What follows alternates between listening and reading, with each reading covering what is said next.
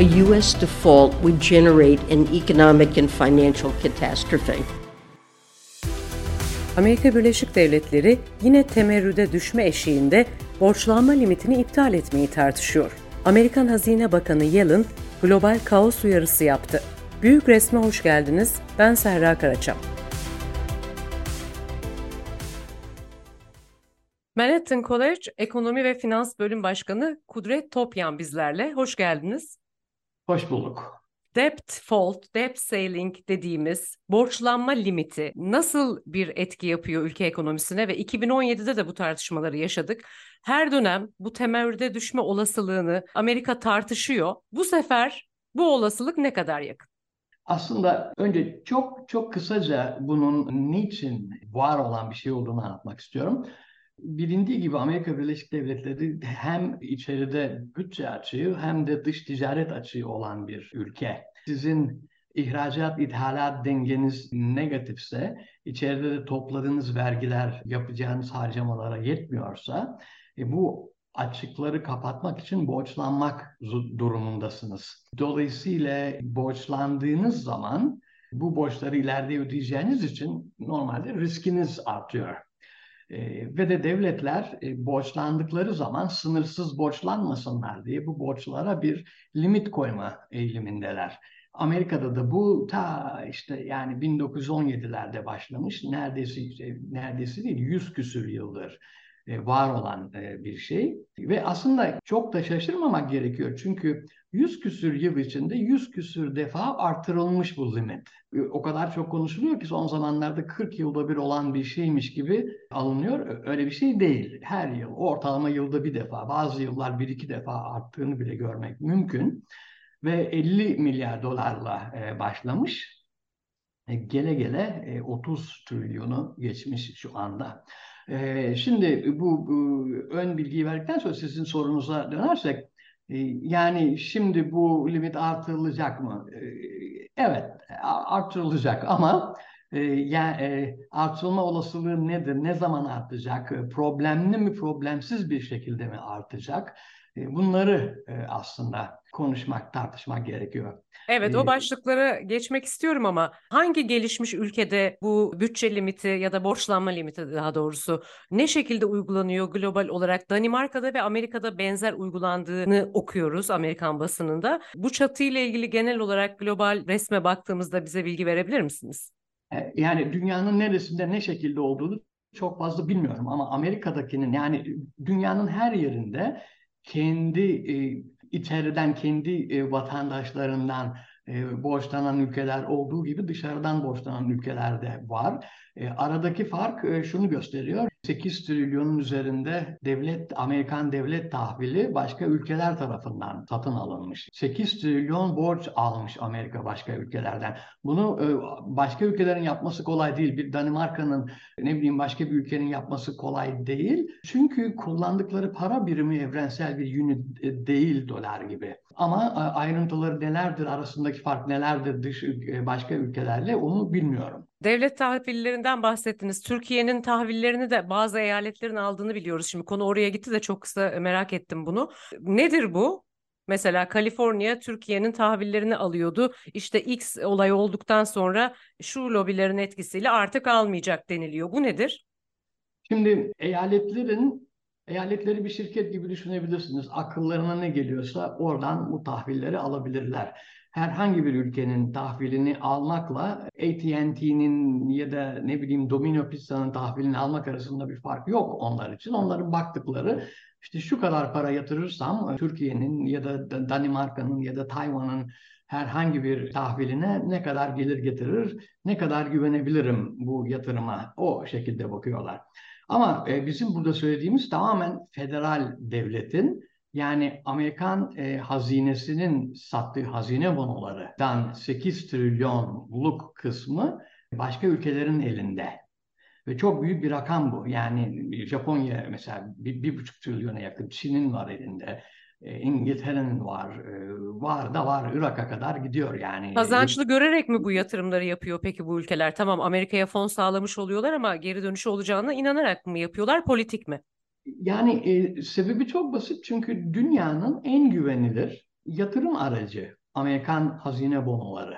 E, arkasında Amerikan devleti var. Hiçbir şey olmayacak. E, iflas etmesi mümkün değil. Ödeyemeyeceğim demesi mümkün değil. E, dolayısıyla bunları son derece güvenilir bir yatırım olarak görüp bu ülkeler buralara yatırım yapıyor. Bakın çok ilginç yani mesela Silicon Valley Bank baktığında e, görüyoruz ki 100 milyar dolar devlet tahviline yatırmışlar. Yani sadece dışarıdan olması gerekmiyor. Bu e, son derece güvenilir. E, daha önce söylediğim gibi dünyanın en güvenilir yatırım aracı Amerikan hazine bonosu. Bunun için alınıyor. Fakat problem şu ki eğer şu anda bir default olayı olursa e, yani ödeyememe durumu e, söz konusu olursa e, elbette ki bunun e, kredi notu düşebilir ki e, biliyorsunuzdur 2011'de aynı şey oldu. 2011'de devlet anlaşamadı. E, S&P notunu düşürdü Amerikan e, tahvillerinin. E, çok büyük bir maliyeti vardı Amerikan vergi mükelleflerine. 1 milyar dolara yakın bir maliyeti vardı.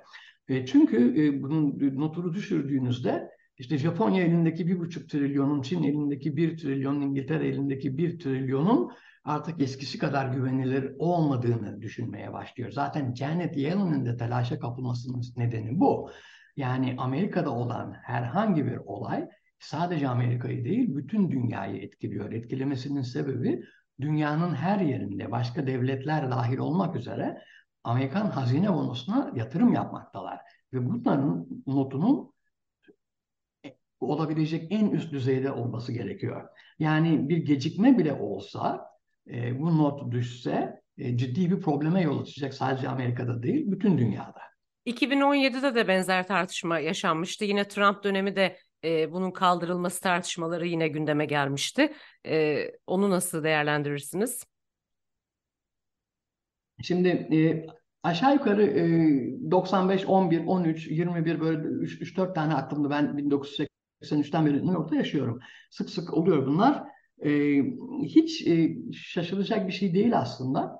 E, Peki neden da... limit makul mü? Neden sürekli tartışılacak şekilde gelişiyor ve e, daha yüksek olması mı beklenir bu tartışmaların aşılması için? Yoksa sürekli harcama mı artıyor? Evet, çok güzel soru aslında. Harcama arttığı için oluyor. Fakat şimdi burada sürekli cumhuriyetçilerle demokratların e, yani e, birbirleriyle hemfikir olmadıkları konular var. Bunlardan bir tanesi de e, harcamalar. Yani e, e, biraz geriye gidip şeyi e, şunu söylemek istiyorum. 50 e, milyarla başlamış 30 trilyona gelmiş diyeceksiniz. Şimdi aslında bunu biraz da abartılı bu. Çünkü bu bugünkü 30 trilyonla 1917'deki 50 milyar bunlar enflasyona göre ayarları falan yapılmamış şeyler. Yani e, o 50 milyar 1917'nin 50 milyarı, bugünkü 30 trilyon bugünün 30 trilyonu. Bu bir e, yanlış anlaşılmasını istemediğim için bunu belirtmek istiyorum. Bir de e, tabii ekonomiler büyüyor. Yani 1917'deki Amerikan ekonomisiyle bugünkü Amerikan ekonomisi aynı Amerikan ekonomisi değil. E, borç miktarını da göstermiyor tam olarak aslında bu rakamlar. Yani 30 trilyon demek 30 trilyon borç var anlamına gelmiyor. E, ama sizin sorunuzun önemi şurada. Peki niçin bunu daha fazla arttırmıyoruz dediğinizde bunu yani bir kredi kartı limiti gibi alabilirsiniz.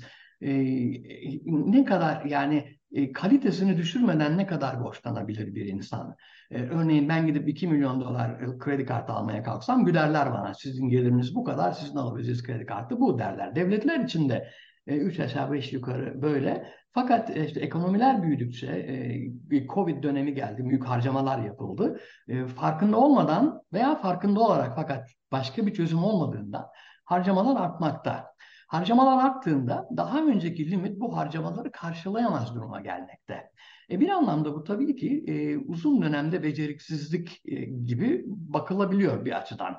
Ve genellikle de iktidar partisi e, her şeyin yolunda olduğunu söylüyor ve muhalefet partisi bu beceriksizliktir niye böyle yapıyorsunuz diyor. Yani şu anda e, gelinen olay yine e, bir buçuk trilyonlu bir artış istiyorlar. E, bütün istenen artış bu. E, ama e, daha kısa bir şekilde direkt sorunuza cevap vermeye kalkarsak e, yani bunu kaldırdığınızda da şöyle bir sorun ortaya çıkıyor. E, bir kişiye gelirine bakılmaksızın sınırsız bir kredi kartı vermek gibi. Çok iyi anlıyorum. Cumhuriyetçiler bu geliri artırmanın çeşitli yollarında uzlaşmak kaydıyla ve bazı harcamaları da azaltmak kaydıyla bunu yapmak istiyorlar. Bunlardan bir tanesi her zaman tartışılan işte dar gelirlilerin sağlık sigorta maliyeti 47 milyon dolarmış mesela. İşte bu yüksek deniliyor. Bunlar kaldırılsın deniliyor. Diğer taraftan da e, zengine vergi artsın gibi e, söylemler var. E, ne dersiniz? Evet, şimdi e, elbette Cumhuriyetçiler şu anda koşullara bağlı arttıralım diyorlar ama e, geçmişte Cumhuriyetçiler koşullara bağlı olmadan arttıralım e, diyenlerin başındaydı. Örneğin yani, e, hakikaten insanı tebessüme zorlayan bir şey. E, Biden e, senatörken beş defa bunun arttırımında sınırsız ve koşulsuz arttırım yapalım diyen bir kişiydi. E, ve bugün e, aşağı yukarı e, ekonomi dünyasının e, e, yüzünde bir tebessüm var. Dönüp baktıklarında e, yani sanki beş kez arka arkaya bunu artıralım ve koşulsuz artıralım diyen Biden değilmiş gibi bugün e, hayır efendim e, biz harcamaları kısmadan arttırmak istiyoruz. E, bunu tartışma konusu yapmayalım, masaya getirmeyelim diyor. Bu işin e, şey e, ironic kısmı. Ama sizin sorunuza daha direkt cevap verirsek peki nasıl yapalım, bu harcamaları nasıl kısalım olayı var. Şimdi tam olarak bunu görmek mümkün değil şu anda. Çünkü hala e, bugün e, mesela bir toplantıda o, o söz konusu oldu. Covid'den geriye kalan paraları harcamakta millet. E, ekonomide e, her şeyi e, anlayabilmek henüz mümkün değil ama birkaç ay içinde mümkün olacağı, daha iyi görülebileceği falan söyleniyor. E, evet, şimdi e, işte emekliler var, e, içi gazilere ayrılan fonlar var. 20, 20 milyona yakın bu insan. Emekliler de 50 milyon aşağı yukarı 70 Evet, milyon. askeri ödemelerle işte emeklilik ödemeleri 12 milyar dolar. Tabii e, e, rakam olarak yani e, aşağı yukarı askeri e, e, kişi sayısı 20 milyon bu ülkede. E, korkunç büyük bir rakam yani. Çünkü işte Navy'si var, e, Coast Guard'ları var, her, her birisi var. İşte sağlık hizmetleri e, başka bir şey ve bunlar ne bileyim işte okullara, yollara harcanan e, e, paralara vesaire ilaveten e, yapılmış şeyler. Şimdi zenginlere vergi e, söylemesi kolay ama zenginlere vergi zaten konmuş vaziyette. Burada progresif vergi sistemi dediğimiz e, kazanç arttıkça yüzdesinin arttığı bir e, sistem var zaten. E, dolayısıyla ben onu da e, gerçekçi bulmuyorum. E, gelecek, gelinecek nokta yine e, harcamalarda e, böyle çok önemli olmayan e, tali azaltmalar yapılarak bu bir buçuk e, trilyonun e, artırılacağı benim fikrim. E çünkü hep geçmişte de böyle oldu. Şeyi saymazsak yani 2000, 2011'deki e, e, korkunç e, anlaşmazlığı saymazsak e, her zaman anlaşıldı. E, fakat bazen bu uzun sürmekte. Şimdi de zaten yani e, zamanları var aslında. Gerçek e, e, deadline diyebileceğim ger, gerçek Haziran 1 değil mi? e, tabii aslında e, 30 Eylül'e kadar e, bekleyebilirler. Haziran 1 e, hiç önemli olmayan bir nokta aslında. 30 Eylül'e kadar bir problem çıkmayacak. Bunun yani kabul e, edilip edilmeyeceğinin e, gerçekten anlaşılacağı tarih 30 Eylül tarihi. Şu anda zaten daha gerçekçi olan e, herhangi bir şekilde onaylandı, onaylanmadı gibi şeyler e, çok önemli değil şu anda. Yeter ki 30 e, Eylül'e kadar erteleme konusunda hemfikir olsun Cumhuriyetçiler ve Demokratlar deniyor. Yani e, böyle bir zaman olduğu için ellerinde e, telaş ettikleri yok. Telaş eden Janet Yellen sadece çünkü faturaları ödeyen o. E, yani dokuz takla atıyor tabiri caizse bunları ödemek için. Biliyorsunuz bu e, extraordinary measures dedikleri yani e, nasıl söylenebilir? E, olağanüstü önlemler. E, yani şuna benziyor bu ne bileyim işte e, e, sizin çocuğunuzun okulu için ayırdığınız bir fon var. Onu alıp evin borcunu ödüyorsunuz ama işte okul 4 ay sonra açılacak o zamana kadar o parayı geriye koyarım falan şeklinde düşünerek yani e, birçok kurumun e, ödemeleri ayrı tarihlerde olduğu için henüz ödemesi gelmemiş ama başkasına ait paraları kullanarak maaş ödemekte, devlet memurlarının maaşlarını, e, askeri maaşları, emeklilik maaşlarını ödemekte Janet Yellen. Onun istediği şunu bir an önce çözelim, nasıl olsa bu çözülecek, niye varyansın ediyorsunuz, niye anlaşamıyorsunuz, bunu güzel bir şekilde gelin 1 Haziran'da yapalım diyor. Ama e, çok büyük bir olasılıkla 1 Haziran'a kadar çözülmeyecek. E, çünkü ikisi de yani hem Cumhuriyetçiler hem e, Demokratlar bu kez e, e, son derece e, sert yaklaşıyorlar bu olaya maalesef. Evet ama siz bu limitin kaldırılmasını genel olarak bu konuda bir reform yapılmasını olasılık dahilinde görmüyorsunuz bugünkü tartışmalar e, tartışmalar üzerinden. Yok olamaz. Yani ka, ka, e, bunun kaldırılması mantıklı bir şey değil. Bunu kaldırdığımız anda zaten kredi notumuz düşer. Bu şeye benziyor. Yani Amerika'nın eline istediğin kadar harcar diyorsunuz ama şimdi Amerika'nın elindeki bu fonlar yani Amerika'ya borç nasıl veriliyor? Devlet tahvili alınarak veriliyor. Şimdi siz e, bunu bana açıklayabilirsiniz ama Japonya'ya açıklayamazsınız, Çin'e açıklayamazsınız. Elinde 8 trilyon e, Amerikan e, hazine bonosu olan e, ülkelere açıklayamazsınız limitin kaldırıldığını. Çünkü bu limiti kaldırmak e, kesinlikle güvenceden vazgeçmek oluyor mesaj olarak. Güvence, hiçbir güvence kalmayacak. İstediğin kadar borçlanabileceksin ve ödeyebilirliğin artık söz konusu değil. Böyle bir şey olması mümkün değil yani. Hatta bunun geciktirilmesi bile kredi notu düşüren bir şey. 2011'de olan olay oydu. Yani bunu fazla geciktirirseniz elbette kredi notumuz düşecektir. Çünkü o e, karşı, şimdi biliyorsunuz faizler çok yüksek şu anda. Faizlerin yüksek olması kırılganlığı arttıran bir şey. Böyle bir noktada bu konuda anlaşamazsanız bu normalde marketlere ik ikinci bir şok verme durumunda. Yani zamanlaması çok yanlış. Onun için Janet Yellen'ın istediği, e, arzu ettiği şey çok güzel bir şey. E, Janet Yellen e, yapmayın, e, zamanı da kötü. E, ve biliyorsunuz siz, tarihsel olarak bunu yüz defa arttırdık şimdiye kadar. Yüz, bin, yüz birinciye de artacak. Dolayısıyla bütün bunlara ne gerek var diyor ve çok doğru söylüyor. Fakat işte politikada maalesef böyle şeyler olabiliyor. Yani e, bunu e, cumhuriyetçiler bir koz olarak kullanıp istediklerini yaptırmaya uğraşıyorlar demokratlara. Daha önce de tam tersini e, demokratlar cumhuriyetçilere yapıyordu. Yani değişen hiçbir şey yok. Burada da tekrar kongrenin önemini aslında görüyoruz bu evet. açıdan da. Evet, aynen öyle oluyor. Peki evet. son olarak bütçe açığı genel olarak e, bir ülke adına ne ifade ediyor? Amerika'nın e, ölçeğinde nasıl yorumlarsınız bugünkü tabloyu? Yani e, e, bütçe açığı olan ülkeler, olmayan ülkeler var daha önce de söylediğim gibi ama bütçe açığı Amerika için kronik bir şey. Yani Amerika'da bütçe açığının olmaması mümkün değil. E, çünkü genelde e, e, üç tane birbirine bağlı bir denklemin içinde dış ticaret açığı, bütçe açığı ve finans piyasalarının dengesi vardır. Şimdi hem dış ticaret açığı var hem bütçe açığı var Amerika'da. Bütçe açığı, bütçe açığı toplanan vergilerin harcamalara yetmemesi demek özünde. Yani çok kısaca anlatıldığında. E burada toplanan vergiler hiçbir zaman harcamalara yetmiyor. Çünkü çok advanced bir ekonomi, sürekli yeni arayışlar içinde olan bir ekonomi, sürekli kendini yenileyen bir ekonomi. E, işte e, IT'ler, başka şeyler, e, yeni e, finansal enstrümanlar bunların hepsi e, büyük harcamalar gerektiren şeyler.